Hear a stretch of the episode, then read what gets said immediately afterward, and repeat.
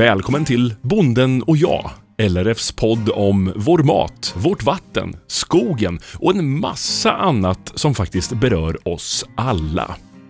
I förra avsnittet träffade vi Anders Norlén i Stallarholmen.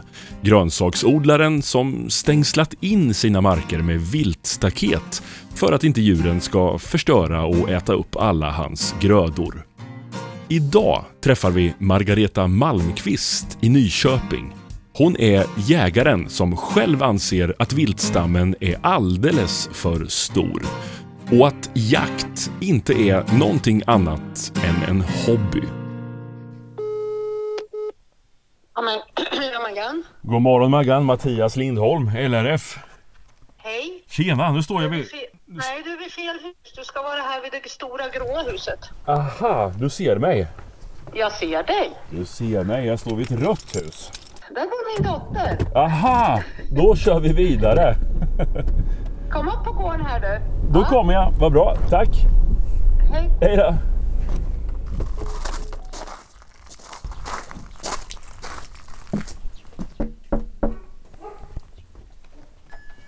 Hallå, hallå. Hej. God dag. Mattias. Hej. Hej. Ja. Hälsa? Hej. En som jag har som eh, jag håller på att ska lära lite fason. Ja, kommer en till. Ja, det har ändå där uppe. Kom nu Peggy, får du skälla färdigt. Kom nu Peggy. Hej. Kom Peggy, lägg. Klart ni ska hälsa lite. Kom då, så får du bli nöjd sen. Hej. Hej. Varsågod, kom in. Tack så mycket. Av två hus väljer man fel. Ja, Va? jag trodde det. Nej, du går ut och lägg dig i korgen. Vi måste ju ha en kopp kaffe. Ja! Det måste, Det måste vi vi ju ha. Ja, ja gärna menar jag. Ja. Om du ska ha. Absolut. Ja. Mellan halv nio och nio ska det vara kaffe, annars dör man. Hör du Margareta Malmqvist, nu får du berätta lite var, var är vi idag? Nu är vi vid Tomtsätter i Runtuna, ny, utanför Nyköping. Utanför Nyköping. Vad har du för ställe här? Ja, det är ju ett, eh, vad ska vi säga, för, från början var det ju ett jordbruk, men det är ju skogs och eh, lantbruks. Och sen har, bedriver vi även entre- entreprenad. Vi har grävmaskiner och så också för att överleva. Det finns mycket att prata med dig om. Men det ska handla om jakt. Nu måste jag bara titta hur mycket koppar jag hällde i, hörde du. Ja, nu ska vi kolla kaffet. Det här är jätteviktigt. Kolla det först nu ska vi se. Så, eh, ja, jag är jägare också. Jag har jagat nästan hela mitt liv. Som liten följde jag ju med min pappa på jakt förstås, hemma på min föräldragård. Och sen så eh, ville jag ju då förstås börja jaga själv och inte bara gå in i någon drevkedja. Eh, Så då tog jag jägarexamen, jag tror det var 82. Och sen har jag ju jagat därefter. Du ta fram koppar också. Ja, jag ska väl ha... Jag ska Jag- jag- stör dig när du gör Nej, kaffe. Ja, kaffefilter och lite kaffe ska jag få i också om vi ska få något kaffe. Ja. Du, det finns ju jättemycket att prata om vad gäller jakt.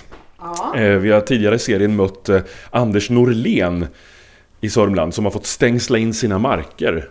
Nu räknar du. Nu Nu räknar ska det jag vara tyst. Kaffemåtten. Ja, Blev det ja. rätt nu? Mängd kaffe och vatten? Det blir, ja, jag tror det. Fint. Jo, eh, Anders Norlén fick stängsla in sina marker. Djuren åt upp alla grödor. Eh, vad säger du om, om viltstammen i stort? Vad tänker du som jägare? Nej men den är ju alldeles för stor. Alldeles för stor för att vi har ju inte jämvikten. Eh, vi kan ju ta den där exemplet då att han måste stängsla in för att klara sina grödor. Eh, och det har jag full förståelse för. för det, det, han, I det här läget så måste man göra det. Men annars, egentligen är ju det en... en eh, så ska vi ju inte ha det, att vi ska ha våra marker instängslade. Men i det här läget som han är nu måste han ju göra det innan vi förhoppningsvis får bukt med viltstammen.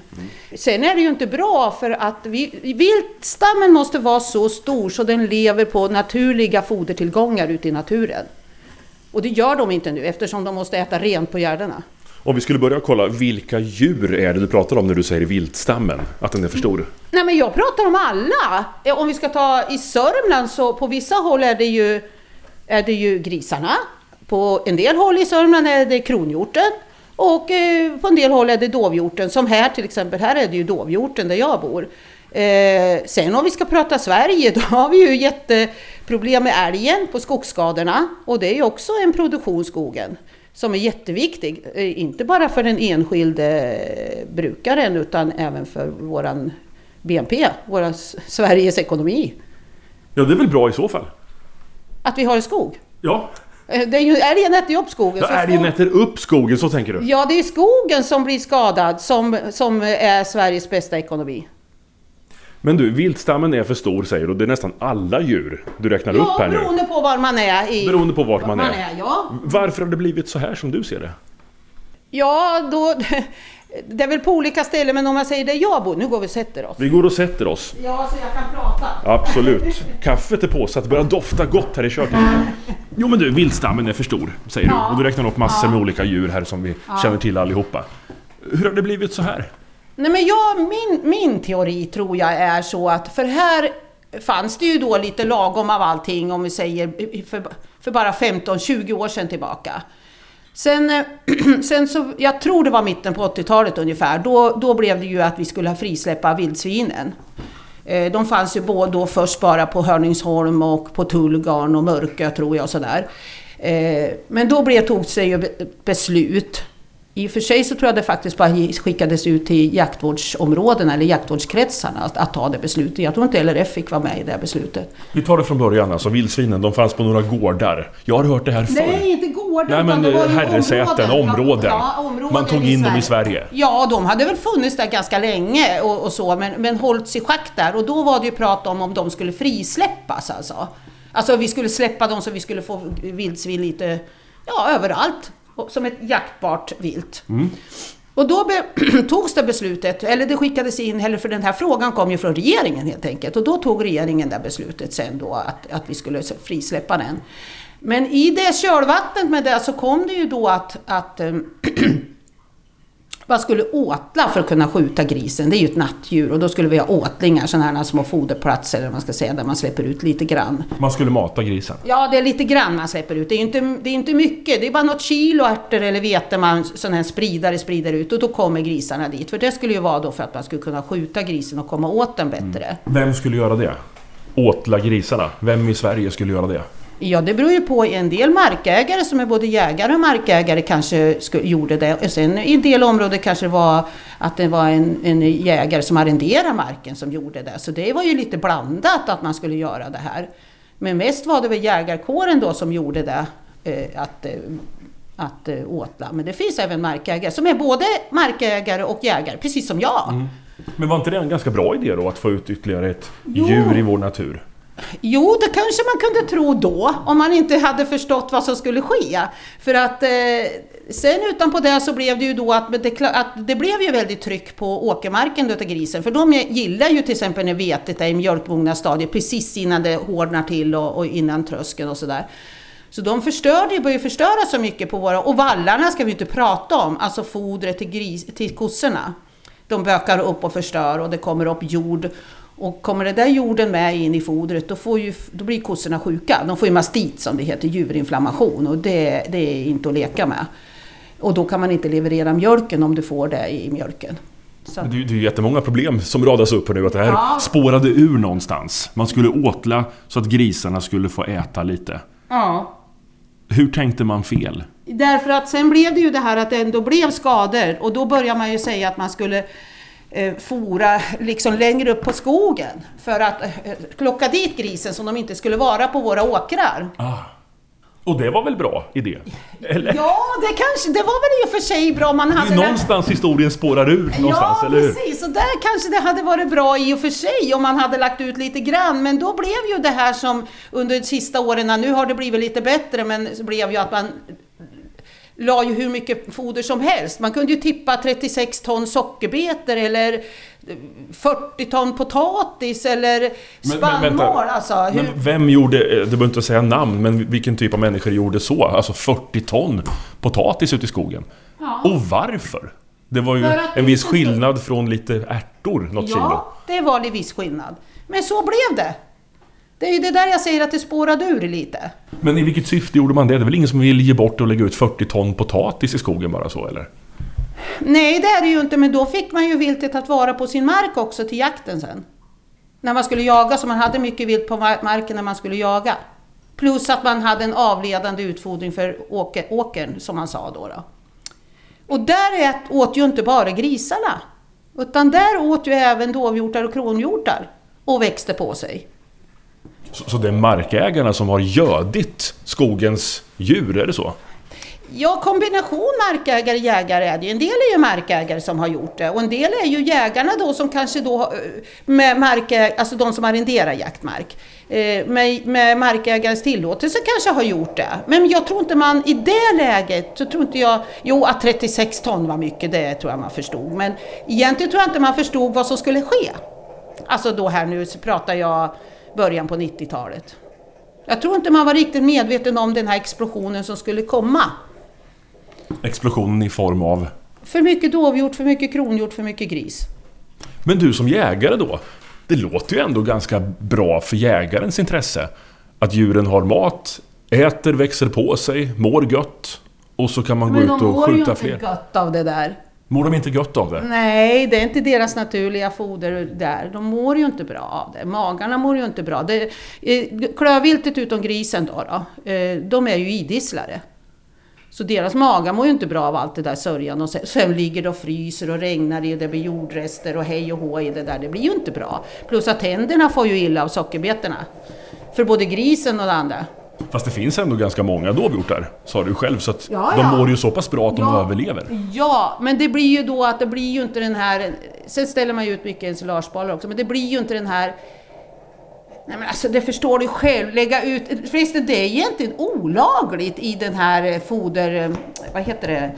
Ja, man får inte, det kallas ju för deponi också. Man får inte lägga ut sådär mycket foder för det är eh, ohygieniskt ohälsosamt. Så enligt foderlagen och eh, vad heter miljöbalken får du inte lägga ut sådär mycket. Nu kan ju inte jag kolla om det här du säger stämmer, att eh, vissa personer har lagt ut så mycket foder i skogen. Nej, det kan du inte. Men det är din syn och din bild. Ja, det är min syn och min bild och jag, jag vet att de har det, så att det spelar ingen roll. Men du, det är ju bara jag då som säger det. Sen kan ju någon annan säga något annat. Du, hör du vad som låter? Ja, det är kaffe som bubblar. Det börjar bli färdigt eller? Ja, det var vi färdigt. Ska vi ta en kopp? Ja, men det gör vi! Ska jag hjälpa dig att bära koppen? Nej, det behöver du inte. Det märks att du gillar de här frågorna. Ja, det gör. Jag är så för... Inte förbannad, det är fel uttryck. Jag är så fruktansvärt besviken att jag inte kan få odla och bedriva min gård som jag vill. Att jag inte kan få vara lantbrukare och bonde fullt ut. Nej, det är många som tjänar pengar på det. Typ säger de i alla fall. Men det gör de ju inte. För att om man ska räkna på vad de, vad de får, eh, får eh, deras marker blir ju också förstörda Ja. av, eh, av det. Men, men, eh, och så säger, säljer de lite jakter. Men jag kan ju inte kanske hålla på och tjäna in pengar på det. Och så säger man då att man kan tjäna rätt mycket på att sälja, sälja mm, viltkött. Men det gör du ju inte heller. Du får ju inte mycket betalt för viltköttet. Oj, vad gött! Nybryggt kaffe och så skorpor. Ja, det var vad jag hade att bjuda på. Ja men det är lysande. Jättefint. Du, vi pratar ju eh, vilt. Ja. Margareta Malmqvist sitter mitt emot mig, Mattias Lindholm.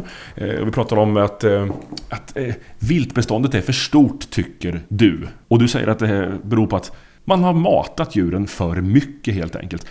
Ja, det har man ju i förhållande till matningen och inte haft stor, lika stor avskjutning. Förstår du hur jag menar? Ja, jag- jag förstår. Det går ju- det går ju inte i ihop. båda ändar. Om man fyller på i ena änden måste man ju kanske göra något i den andra änden. Så är det ju med allt vad vi gör. Men jag fattar inte, det låter ju lite konstigt. Varför har man gjort så? då? Det borde man ju ha insett att nu blir det för mycket djur. Vem är det som gillar det och får någon fördel av att det är för många djur då? Nej, men det finns en del marker och kanske lite större markägare som, som, eh, som eh, säljer jakter och vill ha mycket då, eh, djur just vid det tillfället när den säljjakten är då. Och då är rädda om det här att det ska finnas mycket vilt så de skjuter inte tillräckligt. Sen har ju jakten blivit något helt annat, hur ska jag säga? Förr då gick man ju ut och jagade. Jag kom, när jag växte upp med min pappa, då gick man ju ut sådär någon gång ibland liksom och sparka i plöjorna för att skjuta någon hare. Eller man gick och satte sig och pyschade efter någon rådjur eller något sånt där. Eller gick och motade lite. Och den här vanliga allmogejakten, så är ju jag uppvuxen med och de flesta av oss. Och sen jagar man ju här då, för, som här till exempel på Tomtsäter, då jagar vi ju någon gång ibland sådär och vi gick och motade, vi hade våra hundar som drev och så sköt man, man var ju glad om man sköt ett rådjur och sen blev det ju att man sköt några dovhjortar och allt det där. Men man jagar ju inte så intensivt. Alltså man jagar någon gång varannan vecka eller en gång i månaden kanske bara. Men är det där felet ligger? Man jagar för sällan då? då? Ja, alltså med att viltstammen ökar så måste du ju öka, jakt, äh, öka jakttillfällena och öka hur mycket du skjuter. Har man inte gjort det? Nej, det har man inte för att man har ju fortfarande, fortfarande är det ju en hobby. Du gör det på helger och, och, och så när du är ledig från det andra jobbet. Det är ju, det är, det är ju en hobby och ett fritidsintresse. Vänta lite nu. Är jakt en hobby? Ja, ett fritidsintresse är det ju. Finns det ingen som lever på det? Säljer? Tjänar pengar? Nej, inte fullt ut. Bara på jakten. Nej. Ta lite kaffe nu. Ta lite kaffe. Det är Margareta Malmqvist. Vi pratar med idag om jakt och viltbeståndet. Tror du att alla håller med dig när du säger att jakt bara är ett fritidsintresse? Nej, det tror inte jag att de gör. Men om man pratar om de som äger och, och, och eh, förvaltar mark så är det ju ingen som bara lever av jakten där. Absolut inte. Du har ju skogsbruket, du har ju jorden, du har kanske har någon entreprenad som vi eller någonting annat. Men man lever ju inte enbart på jakten. Och de som kommer och jagar eller så, eller många av oss som jagar, det, då är det ju ett fritidsintresse. Det är ju så det har varit. Naturvårdsverket har ju gjort en utredning nu, jaktens, eller vad stod det, viltets värde, eller jak, viltets värde var det nog. Och den var ju då, där kom de ju fram till att två tredjedelar av viltets värde var ju bara rekre, var ju rekreation. Men det här får inte jag ihop alltså. Om det stämmer, det stämmer säkert det du säger, det får jag lita på. Om det finns så mycket djur i våra marker och skogen, då innebär det att det finns mat också, om man då äter kött. Eller hur? Och ändå så importerar vi kött från utlandet. Och vill köpa billigt. Här finns maten, ändå jagar vi inte och tjänar pengar på den. Det Nej, för någon borde det inte gå att få det här att gå någon ihop. ska ju göra det här jobbet och det är ju inte helt enkelt att skjuta så mycket dovhjort alltså. Varför inte om det finns så mycket i skogen? Är det De inte, är det är- inte bara att gå ut och de- peppra och fylla Nej. disken i affären full? Ursäkta Ja, ja, lekmannaspråket men... men alltså, du kan ju inte bara peppra. Det finns ju et etik i det här hur man Jo, skjuter och vad man gör och men- hur man skjuter. Så. Men det är ju inte så enkelt att skjuta. Det kan finnas så mycket men dovhjorten är ett svårjagat vilt. Och sen måste du ju lägga ner mer tid. Det räcker ju inte att du jagar på helgerna bara. Sen blir det ju det att om, som här, om vi jagar mycket här nu. Vi säger att vi går ut och jagar varje helg. Det lär sig dovhjorten här, så att då är de ju inte här. Då drar de ju till någon mark här borta, någon liten markägare som inte jagar alls. De är smarta. De är jävligt smarta. Jag måste ta tillbaka, man ska inte gå ut och peppra i skogen. Det var ett otroligt onödigt uttryck. Men det jag menar är sådär, om vi har så mycket vilt, så otroligt mycket vilt. Borde vi inte ta vara på det på ett annat sätt då? Och kanske köpa vilt från skogen? Vildsvin, dovhjort, älgkött. Absolut! Jag, jag håller med dig. Varför lever ingen på det eller har utökat sin Därför att verksamhet? det är inte så svårt. Det är inte så lätt att skjuta så där mycket. Plus att du får ju under hela sommarhalvåret. Nu är ju jakten slut. Det sista var ju nu sista februari. Det var ju sista jakten på dovhjorten. Och nu är det ju uppehåll ända här nu till första september. Och för den som inte vet varför, varför är det uppehåll? Det är ju nu, nu är de ju dräktiga och de ska ju kalva eller ja, få sina barn och så ska de ju leva med sina barn här nu fram till hösten då. då. Så det är ju av etik och moral man har så. Och det är väl riktigt. Och det är riktigt. Ja, det tycker jag. För att eh, man ska ju inte... Nej, det är klart det är riktigt. Sen finns det ju att vi har den här skyddsjakten på våra grödor. Men det, den, den följer ju inte jakt... Skyddsjakt är ju en annan. Den har du ju här. Och jakt har du ju här i jaktlagstiftningen. Men är du med på min tanke? Att vi har gott om mat i skogen? Ja, absolut. Men vem ska göra jobbet då? Ja, den som vill tjäna pengar. Ja, då ska du alltså gå och jaga på heltid och då sticker hjortarna. Visst kan du göra det, men sen har du vilthanteringsanläggningarna då. Någon ska ju kunna ta emot det här. Ta emot köttet. Just. Ta emot köttet. Du har ju vilt, de har ju sina begränsningar också. Ja, hur mycket de kan ta emot. Plus att de ofta slår igen här. Om vi nu pratar, liksom om vi ska skjuta gris då till exempel. Grisen får du ju skjuta hela året. Inte nu får du ju bara skjuta årsgrisar här nu från 15 februari till 15 april tror jag det är.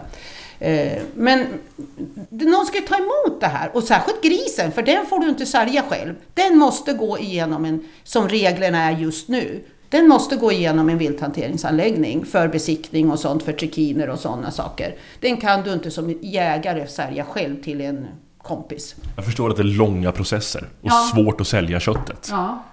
Men jag kan hålla med dig, för ibland kan jag reagera jättehårt. Jag vet att jag för inte så länge sedan var på en restaurang och jag vet ju att runt omkring den där restaurangen så finns det hur mycket frilevande dovhjort som helst som sprang ute i, ute i naturen. Och så bjöd de på ja, var det, var det dovhjortsryggbiff eller något sånt där. Och jag kunde inte låta, jag ville inte beställa den men jag kunde inte låta bli att fråga var den kom ifrån. Nej. Och så svarar hon att den var från Nya Zeeland. Och då höll ju jag på att svimma. För att jag menar, här har vi så gott om dovhjort och så har man ändå importerat den från Nya Zeeland. Ja, någonting konstigt är det Ja, väl? men visst är det det. Skulle man kunna ändra någon regel, någon Du, lag? Kan, det, nu, nu ska du fråga mig saker som jag inte kan svara på. Nej, men skulle du önska att det skulle vara lättare på något sätt? Sen behöver inte du presentera ett lagförslag, men mycket mat i skogen, du går till restaurangen, dovhjortsfilé, Nya Zeeland. Ja. Alltså, Ja. var är det det här inte riktigt funkar överhuvudtaget, vill jag påstå? Ja, det är nog det. Ja, ett, ett är ju att, inte, att vi måste lägga ner så mycket tid för att skjuta det. Att den tiden finns inte. Som jag åter säger, och du, jag tror inte du kan leva på för det skulle bli så Om du ska leva på att bara skjuta dovhjort då, vi säger så. Nu, Ja. nu, det låter nästan som... Maggans dovhjort. Ja, precis. Maggans dovhjort här, skjuta där. Men alltså då, om jag ska leva på bara det, då måste ju det priset bli så högt. Så tror, tror du att gemene man betalar det?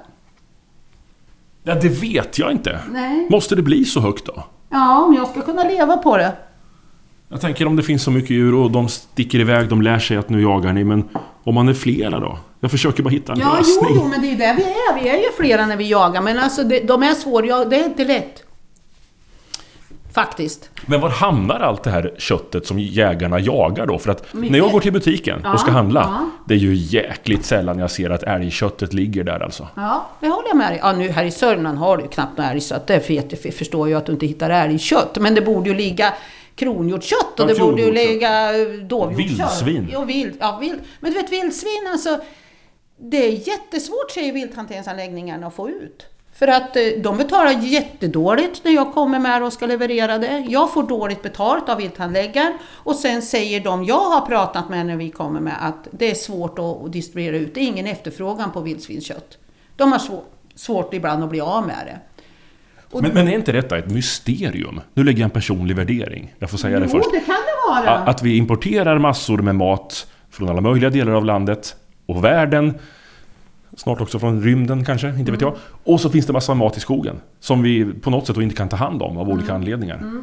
Men sen kommer jag till nästa fråga då. då.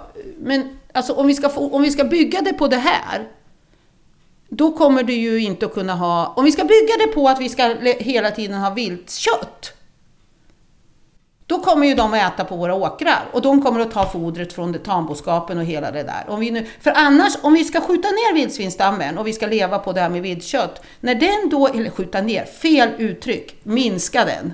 Eh, om vi ska minska viltstammen för att den ska kunna vara så vi kan leverera vild, eh, livsmedel och producera livsmedel, då till sist måste du ju få ner Just det. Ja. Och vad ska då den som har byggt upp sitt företag på det här leva på sen då? Ja, för det går inte att fortsätta mata och hålla viltstammen uppe. Nej men det kan du ju inte. Nej, det går ju inte. Det går ju inte. Det går ju inte. Det Men kan... hur ska vi göra då? Nu körde vi fast ordentligt. Ja, nu körde vi fast här. Och nu kommer vi till det att vi måste minska viltstammen. För att om vi nu, om vi, om vi, jag kan vända på det så här.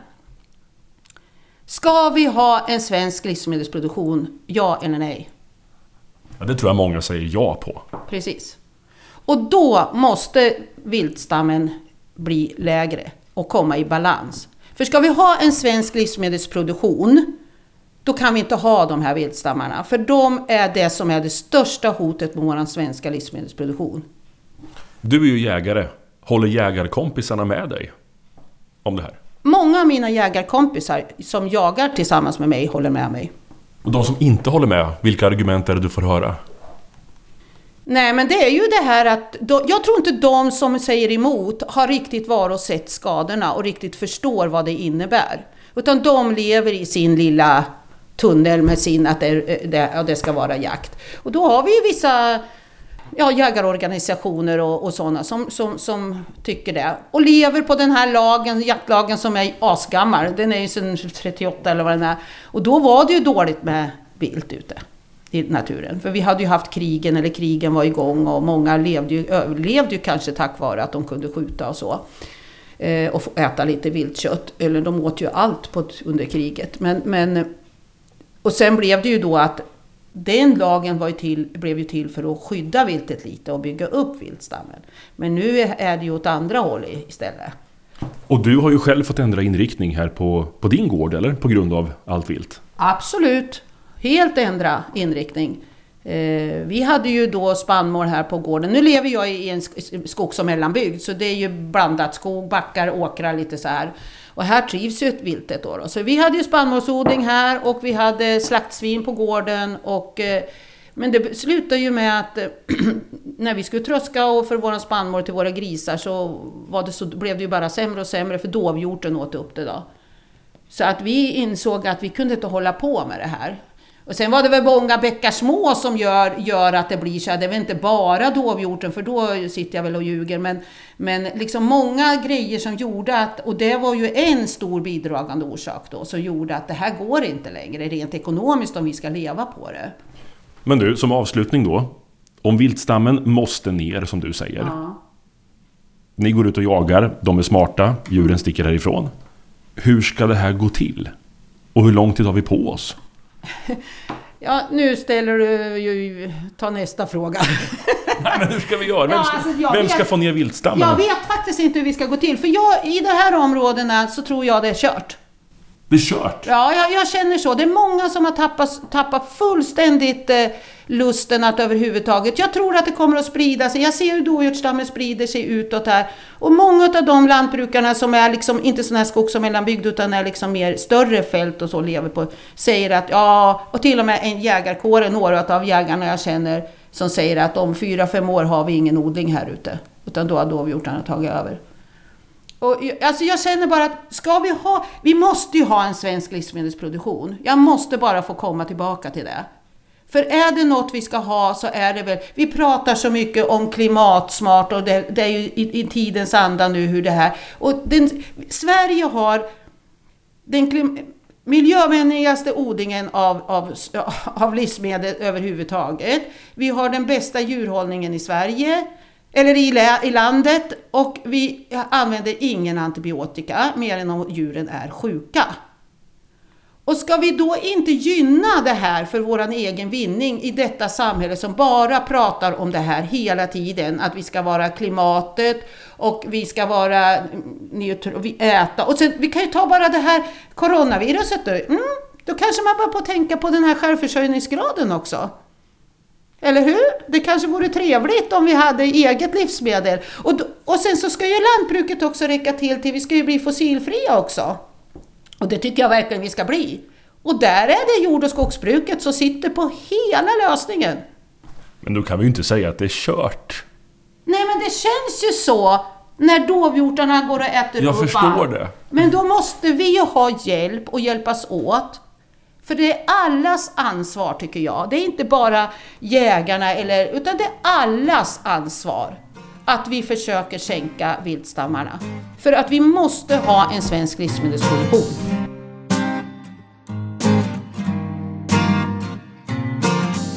Du har lyssnat till Bonden och jag, en poddradioserie från LRF. För fler avsnitt och intressanta ämnen, klicka dig bara vidare. Jag heter Mattias Lindholm och är programledare och producent för den här serien. Hoppas vi hörs snart igen.